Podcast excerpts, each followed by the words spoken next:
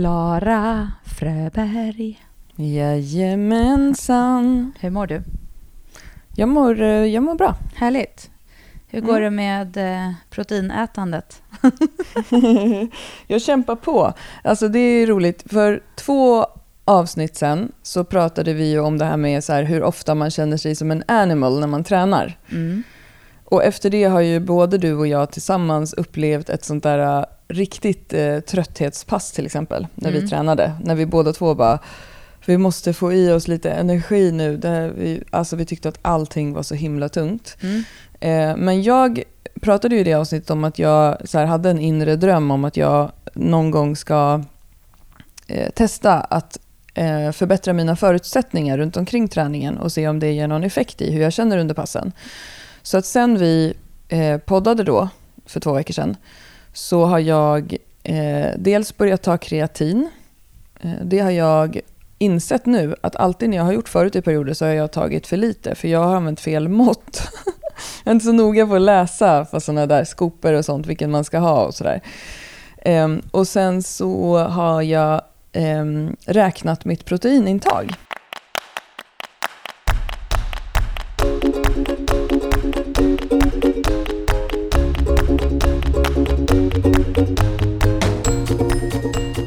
För att eh, om du, eh, liksom, det finns ju hur mycket, väldigt mycket forskning på just protein.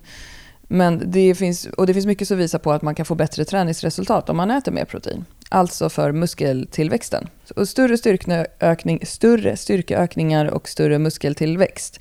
Och jag, eh, och både du och jag, är ju personer som förespråkar att inte vara så noga med att hålla på och optimera sin kost kopplat till träning. Det vill säga man behöver inte sätta sig i omklädningsrummet och eh, käka en banan efter passet och sånt där. Utan passa in liksom mat till hur det passar i ditt liv och bara träna. Det är, det är liksom ingen konstig grej. Men som med allt så är det ju så att om du lägger extra fokus på ett område så kommer det ju hända någonting med det området. Precis som att om jag skulle öka min träning också. Men jag har ju då inte ökat min träning utan som jag pratade om i det avsnittet så upplever jag att mina förutsättningar inte alltid är så planerade kring hur jag mår och sådär. Som till exempel sömn och eh, eh kost då. Och eftersom att jag inte är intresserad av att eh, liksom förändra mitt kroppsutseende på något sätt så har jag tänkt istället att så här, om jag ska se vad som händer om jag ser till att äta protein enligt de rekommendationer som man vetenskapligt vet ger förutsättningar för större muskeltillväxt och ö- eh, större styrkeutveckling. För jag vill känna power i passen.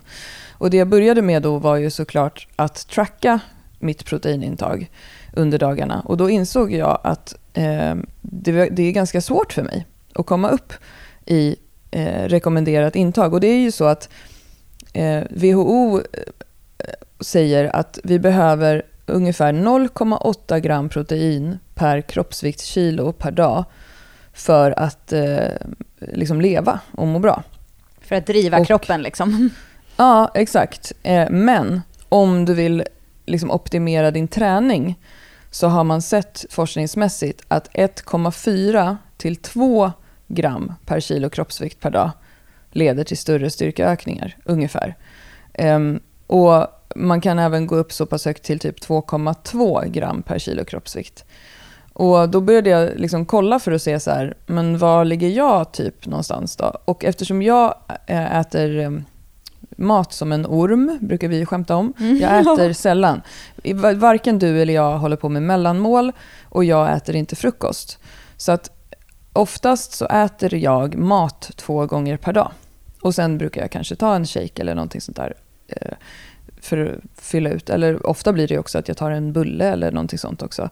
Men då räknade jag på det och insåg att så här, shit, jag kommer oftast inte ens upp i 1,4. För att jag eh, har också ökat min vegetariska kost mycket de senaste åren. Och Ehm, det är ju fan svårt alltså. Du måste, om du vill hålla på med det här, alltså räk, tracka ditt protein, då, behöver du, då går du ju in i så här optinoja-världen ändå. För mig i alla fall. Därför att jag, jag väger ungefär 60 kilo. Och eh, att äta för mig en portion till lunch med till exempel två laxfiléer det orkar typ inte jag. Alltså jag blir så mätt. Eh, så att det är, liksom, det är typ ett jobb att få i sig det här proteinet. Och det har varit väldigt spännande de här veckorna att se just så här, shit, eh, shit vad man måste hålla på om man håller på med kost. Och det är ju rätt intressant utifrån perspektivet med vad jag jobbar med också, att förstå hur människor håller på, som håller på med sin kost hela tiden. Nu har det gått två veckor och jag har släppt mycket mer på det, för att jag har fått också en bättre uppfattning nu över vilken liten förändring jag kan göra för att det ändå ska bli ganska mycket mer. Jag har också eh, insett hur mycket protein det faktiskt är i kolhydrater och det hjälper ju också till mycket.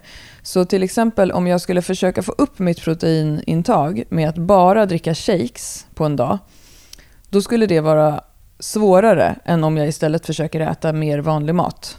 Mm. På grund av att då får jag inte eh, proteinet från till exempel kolhydraterna.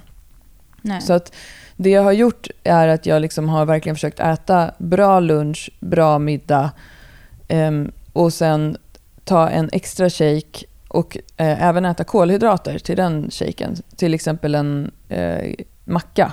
En grov macka med så bra pålägg och sen en shake till det. Då har det liksom blivit bättre. Men en annan reflektion kring det här också är att jag är så jäkla mätt.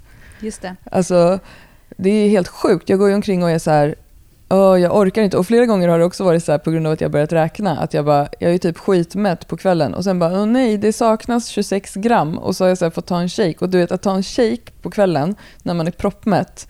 Det är så jäkla ohärligt. Så att min eh, slutsats av det här är att eh, jag tror inte att 2,2 gram per kilo kroppsvikt är någonting som jag ska hålla på med. För jag orkar faktiskt inte det. Men det, det kan göra stor skillnad för mig om jag äter en riktigt bra lagad lunch på dagen med liksom potatis mm. och lax. Men jag tänkte på, alltså, du får ju, nu några saker som du sa nu som jag vill förtydliga, för annars kommer folk säga vad då bra? När du säger ja. bra lunch, bra middag, bra pålägg, då menar ja, du det. utifrån ett näring. Protein, näring och proteinintag, alltså att det ska ja. ge mycket bang for the back. Ja, exakt. Och, jo, men just att så här, eh, både du och jag jobbar väldigt mycket hemma nu. Och då är det ju lätt att en lunch blir typ frukostmat. För att man sitter hemma och jobbar vid datorn. Och då skulle det kunna vara till exempel att jag äter eh, mackor med ägg till lunch. Ja, för, att jag, för att jag liksom jobbar hemma. Men det blir mycket svårare att komma upp i proteinet då. Så att istället just verkligen äta så potatis och lax till lunch. Alltså förstår jag menar? Ja, jag Inga, in, in, inte mackmiddag och de sakerna, utan äta ordentligt lagad mat. Det är vad jag menar med bra. Ja. Men, Ett högt heter... näringsintag. Ja, men, och det som är intressant i det här är ju just, för det som man näst, egentligen kan komma fram till, som du gör nu, det är att ett av dina tidigare då bara en shake är nu egentligen en hel mål, alltså en, en frukostmåltid-ish. Alltså ja. egentligen, så man kan säga att du äter tre mål och det gjorde ju inte du förut. Alltså, och sen om du tar en bulle, då gör ju det, du det utöver de här målen. Förut så var det, alltså, det är en ganska ja, stor skillnad, det är egentligen ett helt mål till som du mm. får i dig egentligen både kolhydrater och proteiner. Men för det, är så här, det där är så intressant för att vi pratar ju om det också, sen att just att så här, för mig att äta så här, en stor frukost, en stor lunch och en stor middag och dessutom utöver det dricka två shakes per dag det är ju liksom, då, är du, det, då är du hemma? Ja, men det är normalt för mig. Det är inget konstigt. Eh, och, och så här, men, men jag har ju verkligen, men sen är ju jag också eh, större än dig, så det är ju inte så konstigt att det är så. Men, men skitsamma, just det, jag är så van att göra det. Och så att för mig är det så här, jag, jag, har, jag har faktiskt inte så stor aning om hur, exakt hur mycket. Jag har aldrig, eh, de senaste kanske tio åren eller något, eh, okej åtta åren då har jag i alla fall, aldrig registrerat någonting. Så jag har ingen aning, men jag tror att jag ligger i fas i mitt protein. Um, det där som du beskrev nu är ju, låter ju rimligt. Och det är ju just det att jag missar ju chansen till en måltid för att jag inte äter på förmiddagarna. Och mm. för att förtydliga det också, med tanke på vad vi ofta pratar om i den här podden, så har det ingenting med min kropp att göra. Utan det är för att jag har opererat bort min gallblåsa för åtta år sedan. Jag fick en throwback från det idag, Johanna. Det stod mm. så här, förskolan har brunnit ner och jag har gallsten. ja, men det gör att det är problematiskt för dig att äta. Du kan inte göra det. Ja, jag, har jätte, jag får jätterisig mage när jag eh, äter på förmiddagarna. Och eh, det är, när jag har läst på om det, så är det ungefär 10% av alla som opererar bort gallblåsan får de här problemen. Och min mage är mycket lugnare om, om jag väntar med att äta några timmar på dagen. Mm. Så att det har ingenting med någonting sånt där att göra. Och sen har ju jag vant mig vid det på grund av mina magproblem. Alltså att, så det är ju, jag är ju inte hungrig på förmiddagarna heller. Jag kan träna på förmiddagarna också utan problem. Jag har liksom vant mig med det. Men, men det gör ju att jag har ett kortare fönster att fylla på med allt det här. Men det är ju så här, men det, och så skickade jag ju till dig, kommer du ihåg det? Att jag skickade till dig en film på Facebook på han, han kallas ju för The Mountain för att han Ah. spelade den karaktären i Game of Thrones. Det är han, jag kan inte hans namn, Hafnur, vad han nu heter. Han som har dragit 501 kilo i marklyft. Ja. Eh, Men som inte blev ett dokumenterat världsrekord för att det var en sån här uh, marklyftstång och lite sån där grej. Ja. Han äter ju, eh, vad var det? Han äter 10 000 kalorier om dagen. Ja. Så var det. Eh, och då hade de gjort en film på alla hans matintag. Och det som var lite ovanligt med den filmen var, han äter sex gånger om dagen, vilket för mig, jag blir trött bara jag tänker på det, typ får svettningar. Men eh, han äter väldigt eh, eh, så bra näringsinnehåll. Och det som många brukar göra när de ska äta sådär mycket kalorier, typ bulka, det är ju att det är ju otroligt mycket lättare att äta skräpmat för att få i sig mycket kalorier. Mm. Men han åt så här, liksom, ris, ägg, grönsaker och några nå olika sorters kött i varje sån där låda. Tänk dig att sitta och tugga i dig det sex Ja, gånger om dagen. Alltså, det är sånt jäkla jobb. Så att summan av kardemumman av allt det här. Det ska bli kul att se om jag känner mig mer... eh, Om jag känner att jag får mer power i passen helt enkelt. För det finns ju faktiskt mycket som tyder på att ett ökat proteinintag eh, kan ge den effekten. Eh, Ja. Men jag, tänk, jag tänker inte hålla på och tracka det på det här sättet. För att nu har jag ju också på två veckor fått lite nycklar i så här, jag kan bara addera det här så, liksom, Du vet så kommer jag upp bättre. Ja, du vet vart du behöver ligga för att hamna där du bör göra i ditt proteinintag. Exakt, men också att så här, du behöver aldrig fixa ett problem som inte finns. Alltså, du kan må jättebra på ett proteinintag på ett gram per kilo kroppsvikt om dagen, som är typ rekommendationerna, dagliga rekommendationerna för att leva. Om du känner att du mår bra och att din träning går framåt och så vidare. Det är alltså, det här vi pratar om nu är ju optinoja. Ja, som man inte pallar. Men, du, men det är ju ändå, jag kan ändå tycka att det fanns en positivitet i att du gjorde det här. För att du är kass på mat. Alltså det är ju liksom inget, det är inget vi behöver sticka under stolen med. Jag kan ju bli så här, men vad fan konstigt att du, när du var, jag känner mig lite seg på passet. Man bara, okej, du har typ inte ä-. Alltså, det handlar inte om att du inte äter för att du inte vill äta eller något, utan du är bara kass på det. Du bara, just det. Jag glömmer kanske- bort. Ja, Ja. och sen så är det just det här förmiddagsgrejen och så då blir det ju så här svårare att få i sig samma mängd på en kortare tid. Alltså det är så här, det Ja. är klart att jag också skulle känna, för att äter jag min frukost så här, jag kanske äter min frukost halv åtta. Alltså då äter jag Ja. ordentligt, då kan jag äta igen 12 eller vad klockan blir, 11.30 liksom. Och sen äter jag middag. Och då hinner jag ju Mm. med några shakes däremellan och på kvällen. Alltså det är inget konstigt. Så jag menar det är ju stor skillnad om man äter första målet vid 12-ish. 12. Mm. Ja, och det är så här, och det är ju, men det är alltid så när man gör en förändring, oavsett vad det är, om man adderar någonting så kommer man ju få jobba lite för att den rutinen ska sitta. Mm. Och för mig är det ju ett jobb nu att behöva ehm, addera någonting. Ja. Så att jag, som till exempel igår så hade jag, så hade jag då en så mindre bra dag.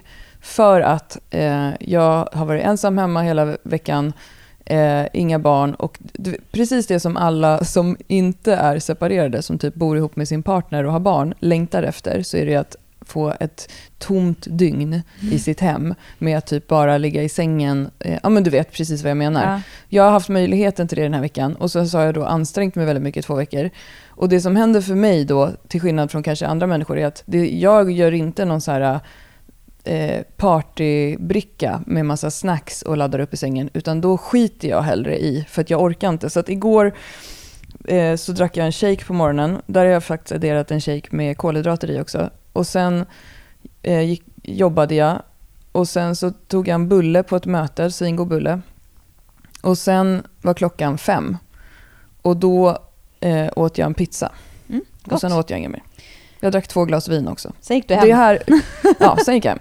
Eh, sen kom jag hem klockan 21. Men så att um, ur näringssynpunkt så var ju det en sämre dag. Men jag har, ehm, har ju ambitionen nu att jag ska ha färre sådana dagar. Mm. För det där är standard Fröberg. Ja, men då vill jag också säga så här, du har ändå haft färre sådana dagar om man ser över den här perioden där du faktiskt har fokuserat lite. Och Ja, du, men det är ju en sån då. Ja, precis. Så du har ju lyckats superbra med ditt eh, mål med den här. Och så det, jag är helt säker på att du kommer känna, i också förlängningen, kommer du känna en skillnad i din träning. För det är ändå någonstans det som ligger till grund för det här. Det är ju att du har känt så här, shit, jag känner ändå ganska ofta att jag har halvdana pass. Det är ju det som Ja, är exakt. grunden till det här, inte något annat. Så att jag är helt säker på att det här kommer ge skillnad eh, över tid i din träning och att du kommer ha fler pass där du känner... Sen kanske inte det behöver betyda att du får så här pass när man bara “jag hade kunnat tagit allt, jag hade kunnat...” Alltså sådana pass. Men typ man, man bara är the machine liksom. Men däremot så Ja. kanske du har mer pass där du inte känner så här “fan, jag vill bara gå hem”. Alltså det är Mm. ganska stor skillnad. Och någonstans hitta det där mitten, mittengrejen. Ja, ja men Mm. det, det känns eh, bra. Men just också att inte, det får aldrig bli en stress och det får heller aldrig gå ut över ett socialt liv, tänker jag. Alltså gud vad jag inte vill vara en sån här person som vissa håller på som så här, typ inte kan delta på en social aktivitet för att de måste tajma in liksom med något så näringsintag. Eller att så här som i lördags när jag och Markus lagade eh, pasta vongole till några kompisar, att jag skulle bara säga nu måste jag ta en shake efteråt. så det, Nej, men, fast så så, kan jag inte- göra ibland. vem vill, vem vill leva? Ja, men, du fattar vad jag menar. Ja, jag så här, mat ska inte vara någonting som man går runt och tänker på. Nej, men jag men kan... däremot så kanske jag borde tänka på det lite mer för att jag är extremt slarvig. Absolut, men jag kan fortfarande, även om jag varit på middagen en, och så här, bara super, kommer hem och så bara ska jag gå och lägga mig, ta en shake innan jag går och lägger mig för att jag tänker jag bara, "Ah, fan jag måste nog ha i lite mer protein idag. men ja, nej det är sant. Men sen man får alltid, alla gör vad de vill och utifrån sig själva. Men vi tycker ju att man ska sluta hålla på och det står vi för. Alltså fan, lite härlig balans är ändå viktigt. Eh, och det här är ju för att du ska få lite mer balans för dig.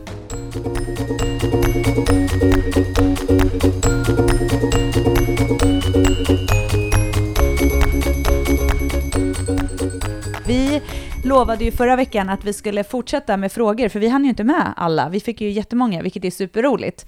Men Mm. så vi tänkte ta vid idag och fortsätta med frågor helt enkelt. Ja! Ja! Ja! nu pratar vi om något annat. Nej, jag skojar. Jag har ja! inte fått prata tillräckligt. Och istället för att prata om mig och eh, mina gallstens eh, problem så kan jag läsa upp första frågan, för jag tror att du har mycket att bidra till med den, Johanna. Och det är också lite kul för att du håller på att experimentera med det just nu också. Och Mm. frågan kommer från hon den starka 61 som skriver för och nackdelar med vanligt marklyft, och då menar hon smala marklyft, Mm. kontra sumo-marklyft. Mm. Ja, det är ju spännande. Det är ofta, vi får ofta frågor kring det här och just så här, ska jag sumomarka? Är det bättre att sumomarka? Är det bättre att smalmarka? Och nu när jag pratar om smalmark, då menar jag så konve- konventionella, heter det så? Ja.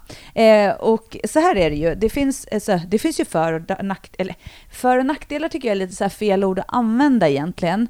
Men om man ser till övningarna, att jobba med smalt, det som är skillnaden är ju i sumo att du alltså har fötterna eh, bredare och händerna på insidan. Och i smala så har du fötterna smalare med händerna på utsidan av benen.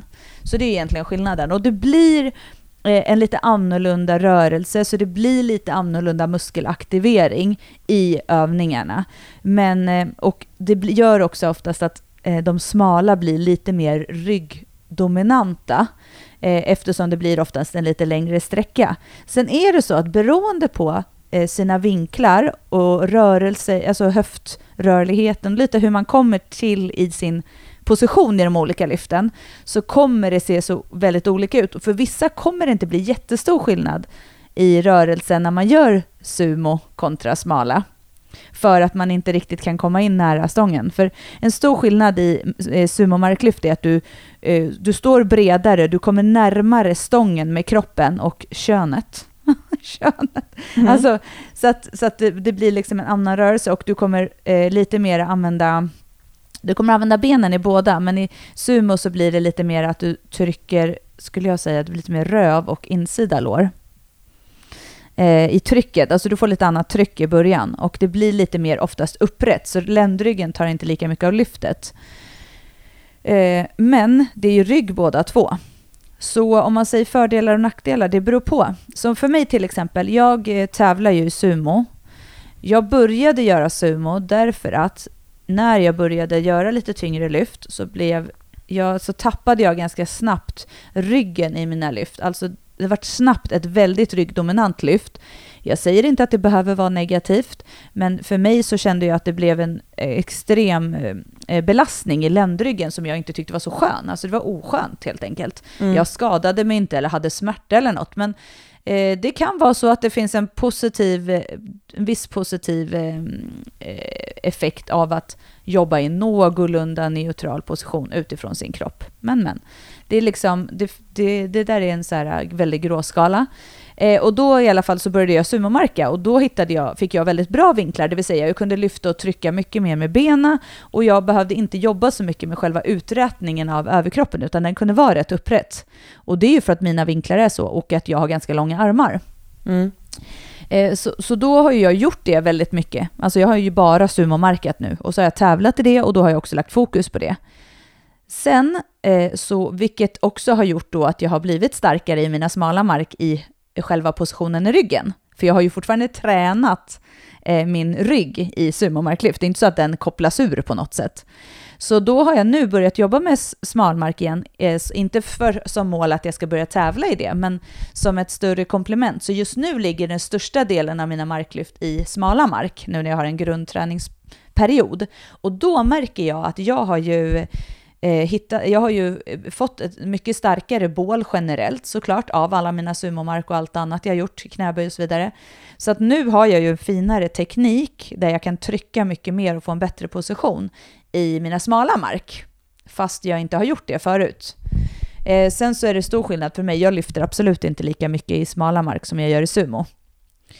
Men så att eh, det beror lite på vad man, har för, vad man har för syfte och vad man känner själv. Många upplever jag känner skillnad i vilket lyft eh, de får bäst position i. Och då tänker jag att då kan det alltid finnas en nytta i att jobba med båda lyften om man inte har för avsikt att tävla så att man verkligen vill fokusera på ett lyft. Mm.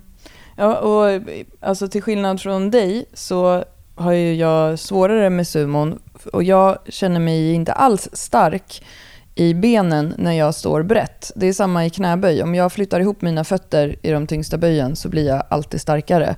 Så att när jag står där ute med benen brett isär, då har jag liksom svårt att hitta det där trycket. Och för dig är det, det är så tydligt när man tittar på dina sumomark, att liksom styrkan i dem är framförallt att du trycker upp stången, den första biten, med fötterna så himla tydligt. Du använder verkligen benen.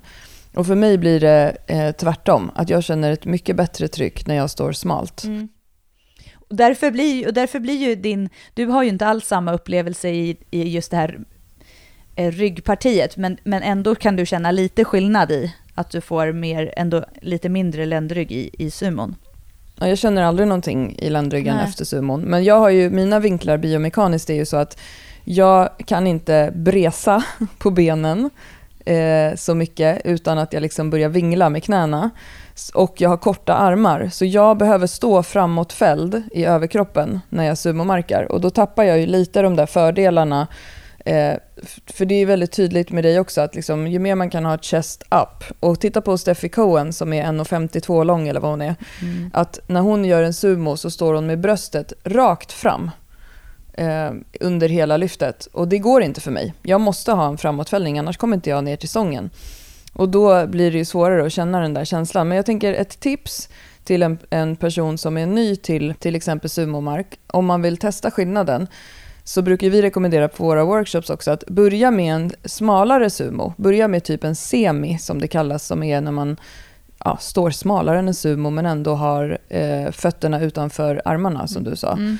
Och så börjar man där och experimentera med om man känner tryck i benen och så flyttar man ut fötterna successivt. För ett vanligt misstag som folk gör som vill testa sumo är att de ställer sig i det bredaste läget mellan fötterna på en gång. Och då kan det vara så att man inte hittar sin optimala vinkel. För man vill ju hitta det läget där man står med fötterna där man känner mest tryck. Ja, det är verkligen. Och sen är det också superbra att eh, att testa eh, att jobba excentriskt, alltså att du jobbar uppifrån och ner.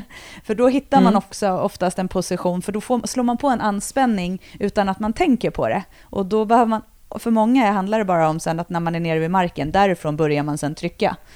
Så att det är ett jättebra sätt att hitta en bra startposition faktiskt. Det är att börja uppifrån och sen gå ner. Så att man lyfter upp den från marken givetvis i den position man vill stå. Och sen går man långsamt ner och då känner man också oftast vart man hamnar i, i förhållande till liksom, höft och allting.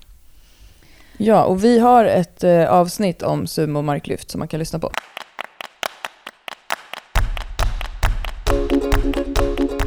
Ska jag läsa nästa fråga?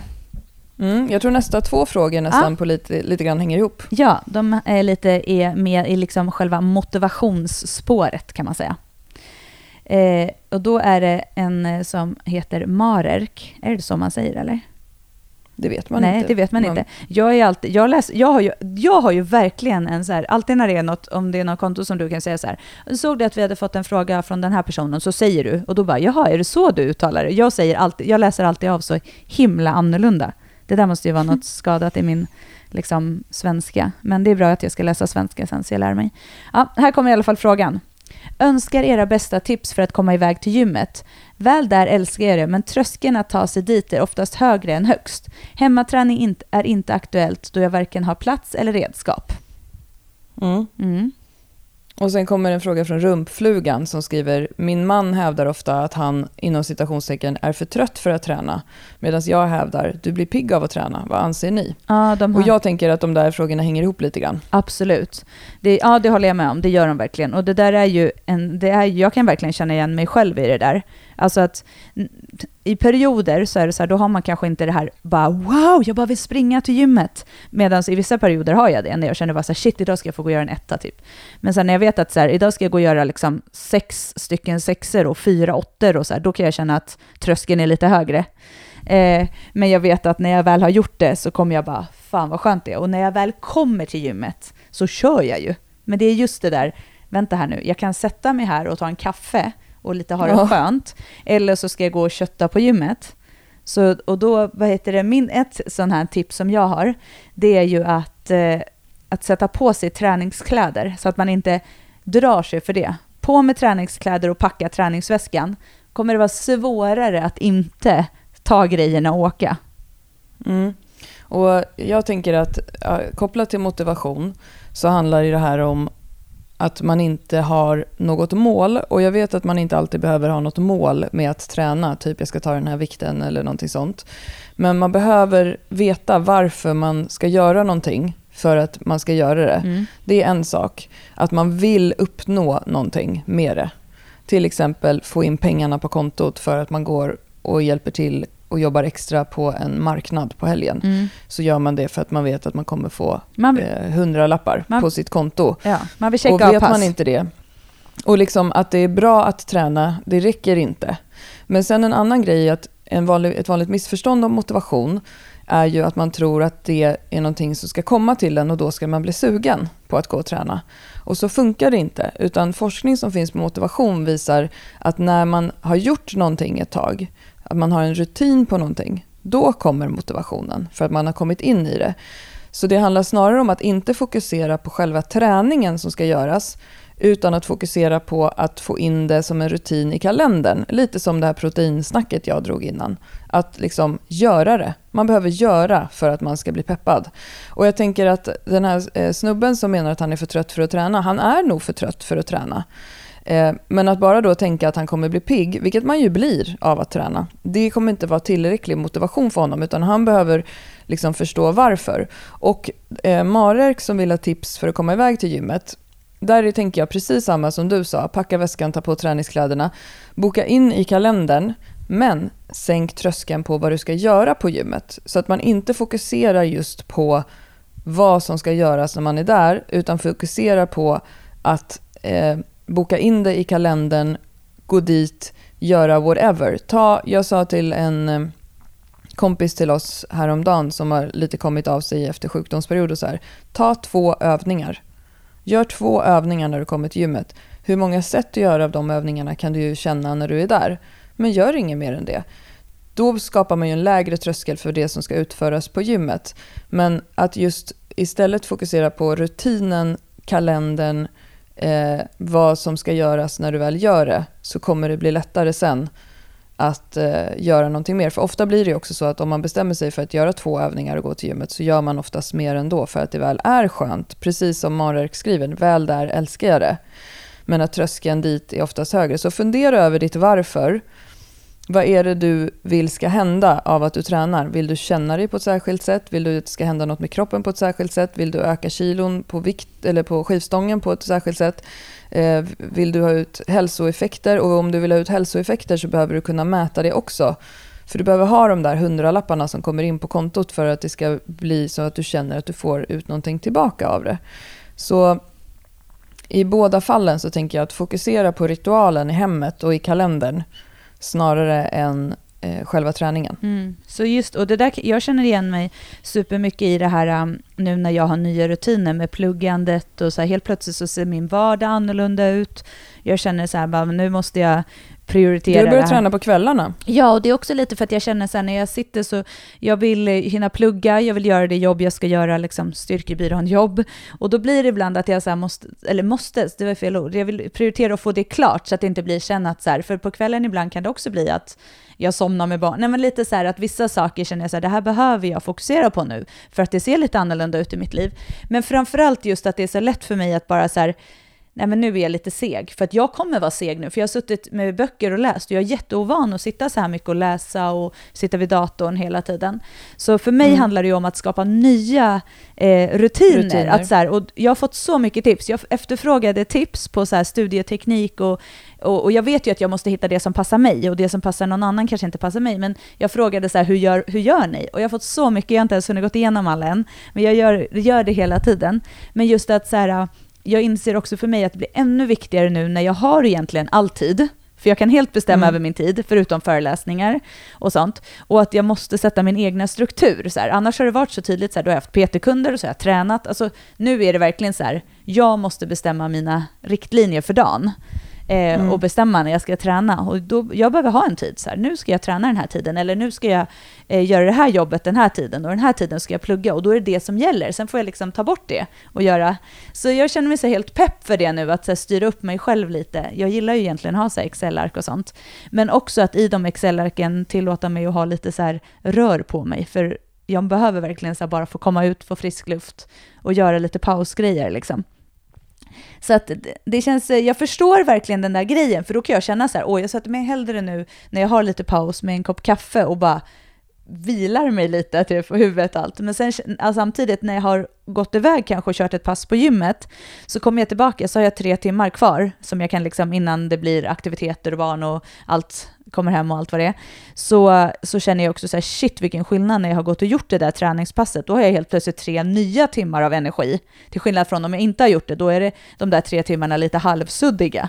Alltså, halvsuddiga. Ja, det blir verkligen ja. så. Det är jättetydligt att om jag bara tar ett ordentligt break så blir det sån skillnad. Och då tycker jag också att det är ganska skönt att kanske bara ta och gå ut och gå lite så här små promenader och, och göra klart och sen på kvällen åker jag och tränar. Men det är också lite nytt för mig att träna på kvällen, eh, just i så här energi och sådär.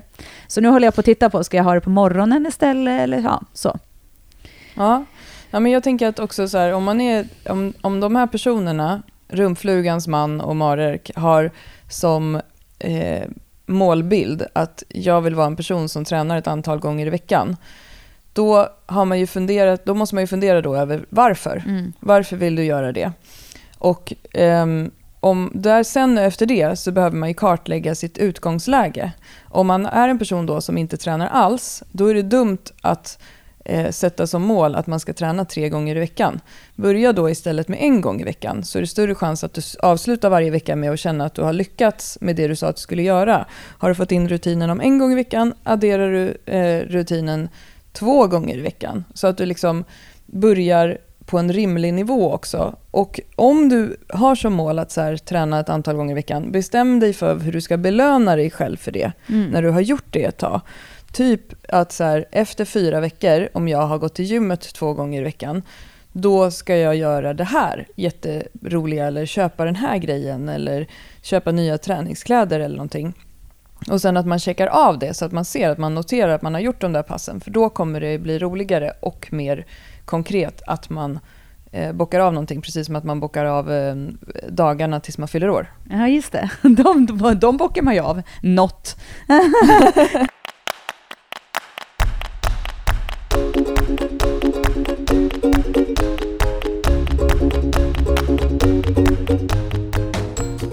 Då går vi in i en kategori frågor som vi kallar typ träningsmängd slash vila. Mm. Och där har vi också två frågor va? Yes, Mm. ska jag läsa? Mm, kan du få göra. Eh, Johanna Widegren skriver, vilket är det vanligaste tankefelet ni gör i relation till träning? Jag har till exempel svårt att internalisera att ibland kommer man snabbare framåt av att vila mer än träna mer.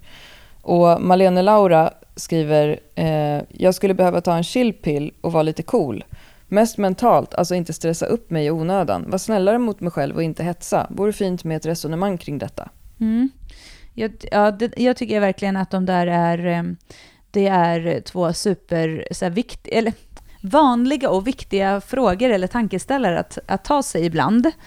Eh, för att just det här med vilan i, i, liksom, i sin, vad ska jag säga, det är ett så himla klyschigt ord, men det, någonstans är det ju så här, balansen kommer ju avgöra mer dina resultat kanske, än att du maxar din tid i träningen.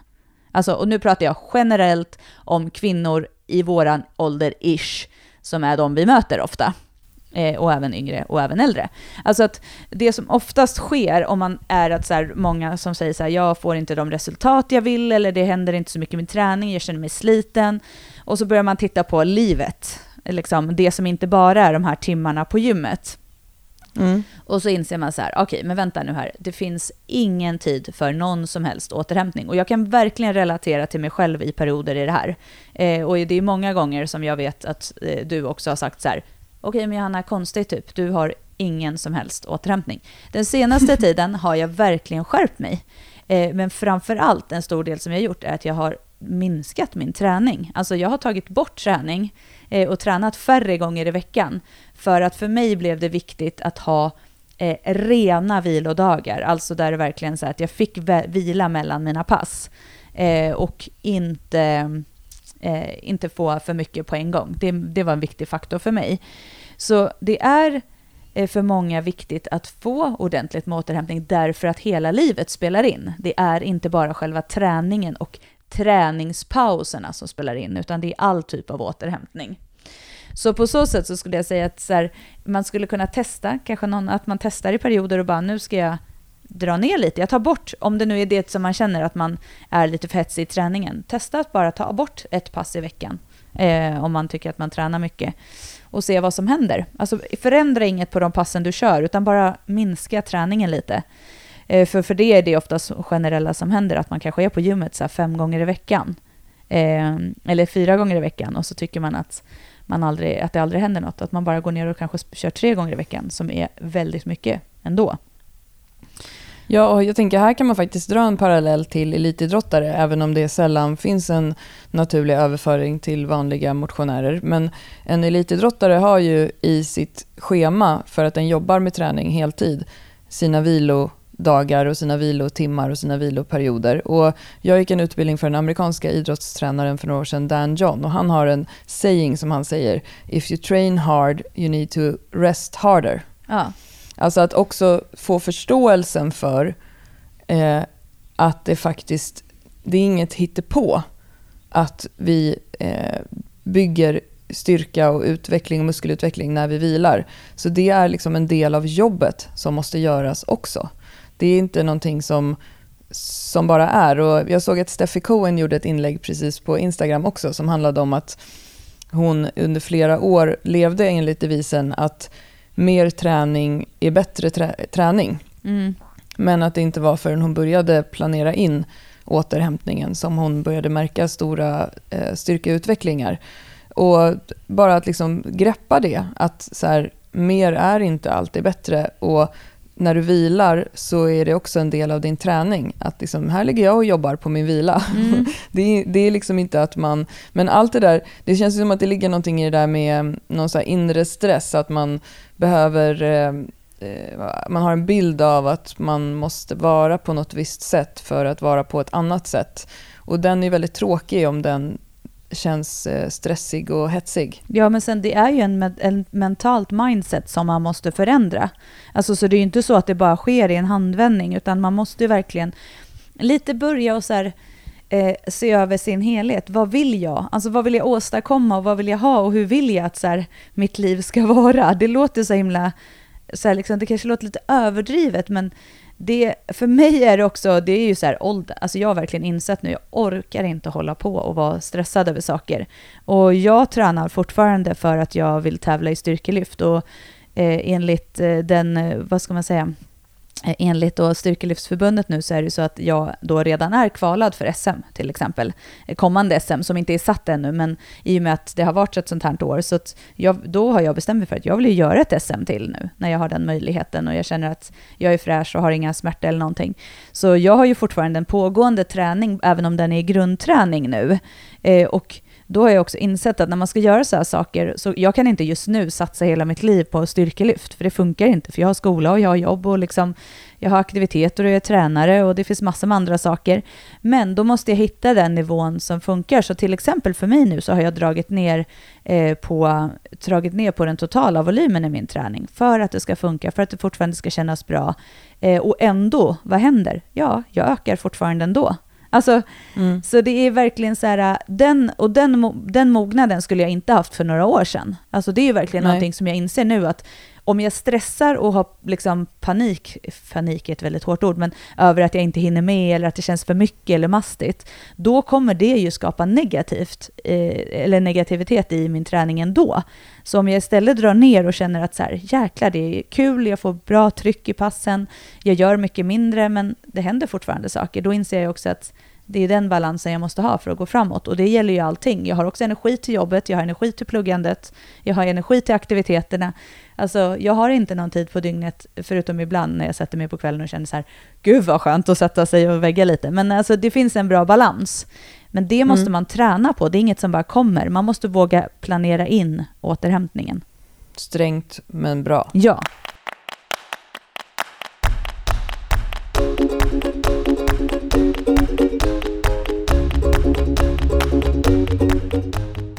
Ska vi ta en rolig fråga? Ja, en rolig fråga. Alltså den här var jätterolig. Den var rolig, jag menar inte så, men den är lite mer humoristisk kanske. ja. Alla frågor är roliga. Eh, den kommer från El Salb. Eh, blir bänken lättare med större bröst? Att det blir kortare färd uppåt för stången liksom? Med vänlig hälsning svag A-kupa. Och jag tyckte den här var väldigt rolig eftersom att jag själv eh, har svårt att um, jag vet inte ens varför jag använder bh. Eh, och det, det, är nog mycket för att jag inte vill gå omkring med så här nipple action. Um, och jag tycker det är ganska skönt. Men jag har svårt att hitta bh för att jag har väldigt, um, jag har liksom liten sträcka runt bröstkorgen och eh, typ en icke-existerande kupa. Så jag brukar köpa så här Eh, på tonårsavdelningen. Men det, då tänkte jag så här, aha, är det det här som kan vara mitt alibi utåt varför jag inte är en bänkgud eftersom jag har så korta armar? Att jag har små tits? Nej, tyvärr. Jag, vet, jag tror faktiskt tyvärr inte att det kan gå och eh, säga så. Det finns tyvärr inte den, eh, den parallellen att dra. För att, och det är ju för att när du eh, när du bänkar och när du då eh, skapar en brygga genom att göra en förändring i bröstryggen eh, så blir det så att din högsta punkt hamnar ju egentligen oftast under brösten.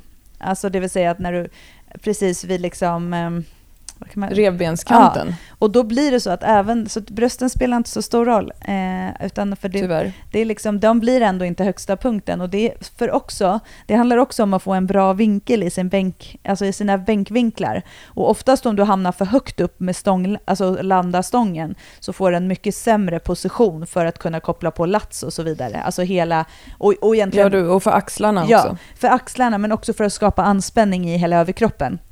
Så du blir inte så stark där uppe. Det är precis som att om du tänker att du ska pressa någonting framför dig, en, du ska trycka bort någon tung hylla eller någonting, då kommer du inte ställa dig och pressa dig liksom med armarna i, liksom parallellt med eh, vad ska man säga, med brösten, utan du skulle vilja trycka upp bröstkorgen och så ta och trycka längre ner. Och det är lite samma i bänken. Att just så, här, mm. så att tyvärr kan du inte heller skylla på det, Klara. så, så är det bara. Nej, jag tänker också att om man har Eh, stora lökar, som en, en kompis till mig är så rolig, hennes eh, mamma är ursprungligen från El Salvador och en gång när hon inte hade bott så länge i Sverige så sa hon till min kompis så här, de där byggarbetarna eh, berömde mitt hår och då sa hon så här, vadå berömde ditt hår? Hon sa så här, eh, schyssta, schyssta lockar. Eh, och då trodde hon, men de sa ju schyssta lökar. Ja. Men, men eh, jag tänker också att när man har en anspänning i bröstryggen, Ja. det som är liksom själva bryggan, ehm, då måste ju också tyngdlagen göra att brösten åker upp lite grann så att de kommer uppåt mot själva nyckelbenet och sådär. Och då försvinner ju också en bit volym på Mm. liksom brösthyllan kring där stången ska träffa. Ja. Så det, man har inte så nytta av det helt enkelt. Tyvärr. Ja. Va, vad ska jag då skylla på? Exakt, ingenting. Du har inget att skylla på Klara. Men du har, ju, du har ju bra, du är ju duktig på bänk. Det är bara att du kör inte tillräckligt mycket bänk. ja, men nu går vi vidare.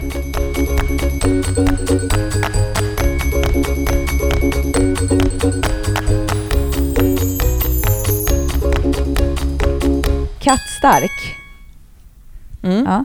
Dessa massagepistoler som finns på sociala medier nu och verkar oerhört poppis. Bra eller dåliga? Även hört att de kallas köttpistol.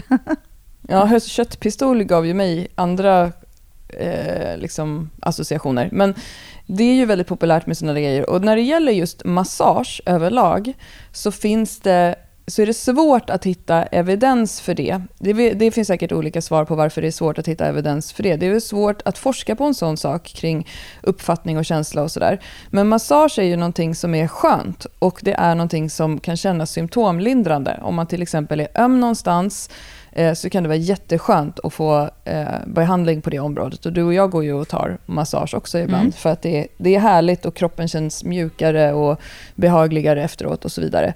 Men det finns inte så mycket evidens som visar på att, eh, att det liksom har någon positiv effekt på till exempel din styrkeutveckling eller eh, sådana saker. Utan det, det kan vara skönt. Så att jag tänker att frågan är också så här, bra eller dåligt, det beror ju på vad det är du vill ha ut av det. Om Ja. du tycker att det är härligt ehm, så är väl det bra. Sen så, så här, jag går ju hellre till Steff på Eken som masserar oss eh, och får en massage än en sån där pistol. Jag har testat sån där pistol också, därför att jag upplever att det, eh, det går in djupare på kroppen eh, och med mer jämnare. Och hon kan, Steff kan ju också känna så här, här ska jag trycka så här hårt, för hon kan ju kroppen bra. Här ska jag inte trycka hårt. Hon sa ju till mig att så här, shit, Johanna skriker som en eh, galning när jag trycker på henne. Och så här. Jag tycker att det är så härligt när man går in och liksom trycker under en lång stund så att svetten börjar rinna på överläppen och så. Men, och det upplever inte jag att en sån där pistol kan göra på samma sätt. Och jag tror att det är svårt att göra det på sig själv. Men om man tycker det är skönt, liksom kör. Ja, men då ska jag säga att jag tycker att det är asskönt med en sån pistol.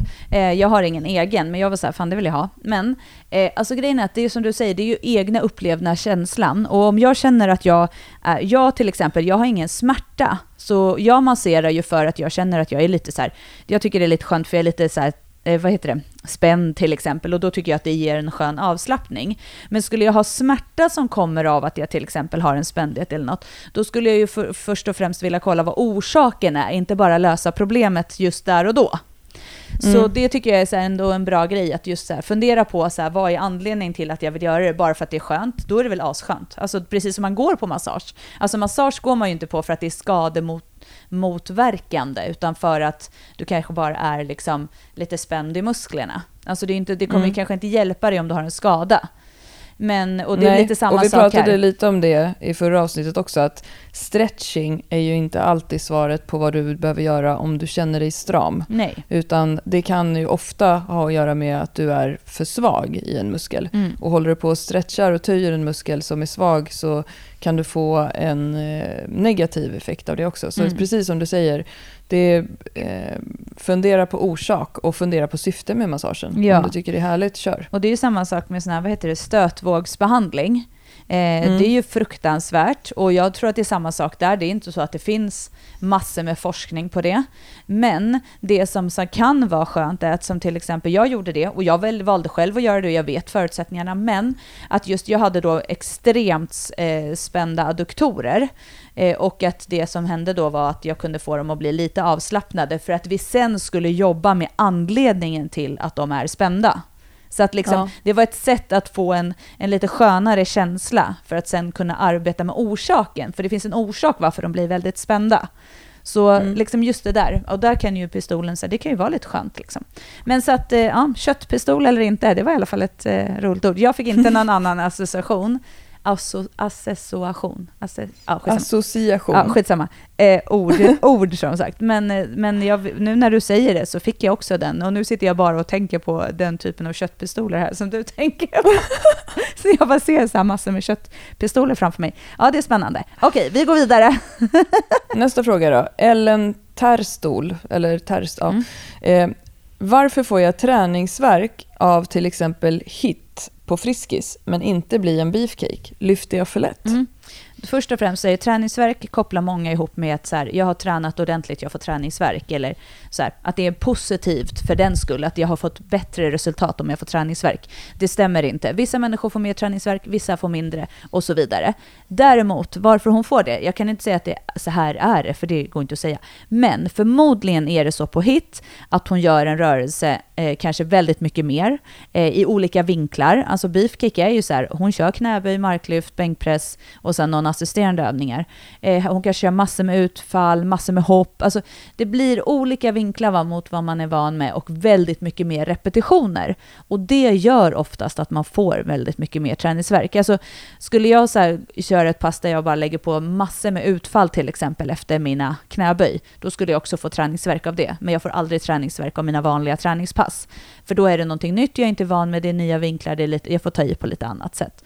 Så att eh, det är inget konstigt att det blir så skulle jag säga. Så det behöver absolut inte betyda att hon lyfter för lätt. För som sagt, jag följer mina program, jag får en progression, jag får ingen träningsverk. Jag har svårt att se att många av dem som kör eh, generellt program får speciellt mycket träningsverk om man har en kontinuitet och följer något. För då finns det ju också en progression och en tanke i dina förändrade sätt. Och sen gör du rörelser som du är van med.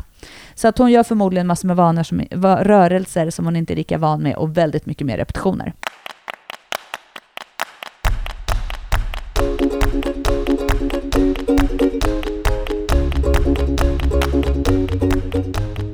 Okej, men jag kör en fråga här till dig Klara. Ylva Li skriver så här. Hur kan man veta hur hårt man kan träna? Hur vet man hur mycket som är för mycket eller som är om man tränar för lätt? Ni talar mycket om att ha rätt förutsättningar, men hur ska man veta sånt? Ja, jag tänker att svaret på den frågan ligger i vad du har för förväntningar på utfallet av din träning. Går du framåt och eh, mår du bra av dina pass? Känner du, dig, känner du power i passen, som vi har tjatat ganska mycket om nu? Eh, då ligger du ju antagligen på rätt nivå. Går du inte framåt, om du till exempel har förväntningar på styrkeökning och du känner att du står still, eller är det så att du ofta känner dig sliten eller har ont i kroppen, då är det kanske någonting annat. Och hur man vet är ju lite så här att man får testa sig fram. Eh, till exempel genom att eh, träna mer eller träna mindre och så får man se hur kroppen reagerar på det. Eh, om jag skulle lägga in nu dubbla pass några gånger i veckan så skulle jag antagligen känna i min kropp att jag blev eh, för sliten av det. Och för mig är det väldigt tydligt att om jag, som när du och jag bänkade häromdagen, eh, vi, hade, vi körde bänk och mark, då berättade jag ju för dig att bänkpasset innan så hade inte jag känt mig helt återhämtad. Och det vet ju jag för att de vikter och de procent som jag kör på kunde jag se att passet innan hade jag gjort eh, samma repsantal men med en tyngre vikt. Och passet efter så orkade jag inte det och jag kände att jag hade så här att det surrade i pexen. Liksom, för att då hade inte jag återhämtat mig tillräckligt mycket. Så det handlar ju om att lära, lära känna sin kropp och se vad man får för effekter av det. Men först och främst bara, går jag framåt enligt det jag förväntar mig, enligt mina mål? Mm. Gör jag inte det så är det någon förändring jag behöver göra. Just känslan i passen. Känner jag mig fräsch? Ja, precis. Men fräsch, och det är väl det hon vet, att så här, undra lite, hur vet man om man känner sig fräsch eller inte då? Jag tror att vissa människor känner sig kanske aldrig fräsch när de tränar, utan är alltid lite för trötta eller så. Och då vet de ju heller inte vilken känsla det är de ska förvänta sig. Men eh, titta då på utvecklingen i passen. Mm. Går du framåt? Och då måste man veta vad det är som vad det för mig innebär att gå framåt också. Det kan ju faktiskt vara så att man, att man eh, bara har en bild av att man vill träna för att man ska må bra. Och då är det så här, då kanske det, då känns det ändå, känns det okej? Är det kul att gå iväg så här många gånger i veckan? Alltså då får man titta på andra parametrar. börja, börja där, börja i ditt mål. Mm. Grymt. Det Ja. tycker jag vi ska vara nöjda med. Du Johanna, vi fick en till fråga som var vad är ert favoritgodis? Har du någon bubblare där? Mhm. Eh, favoritgodis? Oj, svårt. Alltså jag gillar ju jag gillar ju choklad med olika... Jag är lite inne på det här med choklad med typ så här, turkisk peppar. Alltså choklad med olika saker i. Det är min grej. Ja, det såg jag ju att Madde Lyfter la ut på Instagram förra veckan. Mm. Eh, en ny choklad från Fatser som var chokladkulor med turkisk pepparpulver i. De tycker jag du måste prova. Ja, det låter som en Johanna-grej. Ja, men så du då? Vad har du för favorit, favoritgodis? Ehm, ja, men, ehm, jag skulle i vanliga fall också sagt choklad tror jag. Men, ehm, och kanske så här, van, lösgodis, typ så här, sura, hårda godisar gillar jag. Mycket surt och salt och så. Men jag, ehm, det kanske är det här proteinhetsen, men jag har lite så här tappat suget på godis på sistone. Mm. Jag är inte sugen på det Nej, faktiskt. jag är inte- Gud, jag börjar, det kanske är att jag börjar bli gammal. Ja. Du vet så här, jag tar hellre en bit ost. det, nej, jag vet inte. Jag, ehm, eh, nej, fan. Men annars så klassiskt eh, lösgodis har jag gillat mycket förut. Ja, ja men härligt. Surt, surt gillar jag också. Det är gott. Surt och choklad. Grymt hörru. Nu vill jag fan gå och bänka. Gör det, jag ska också göra det då. Vi hörs om en vecka Ja, då. men det gör vi. Ha det bra. De här, hej. Hej.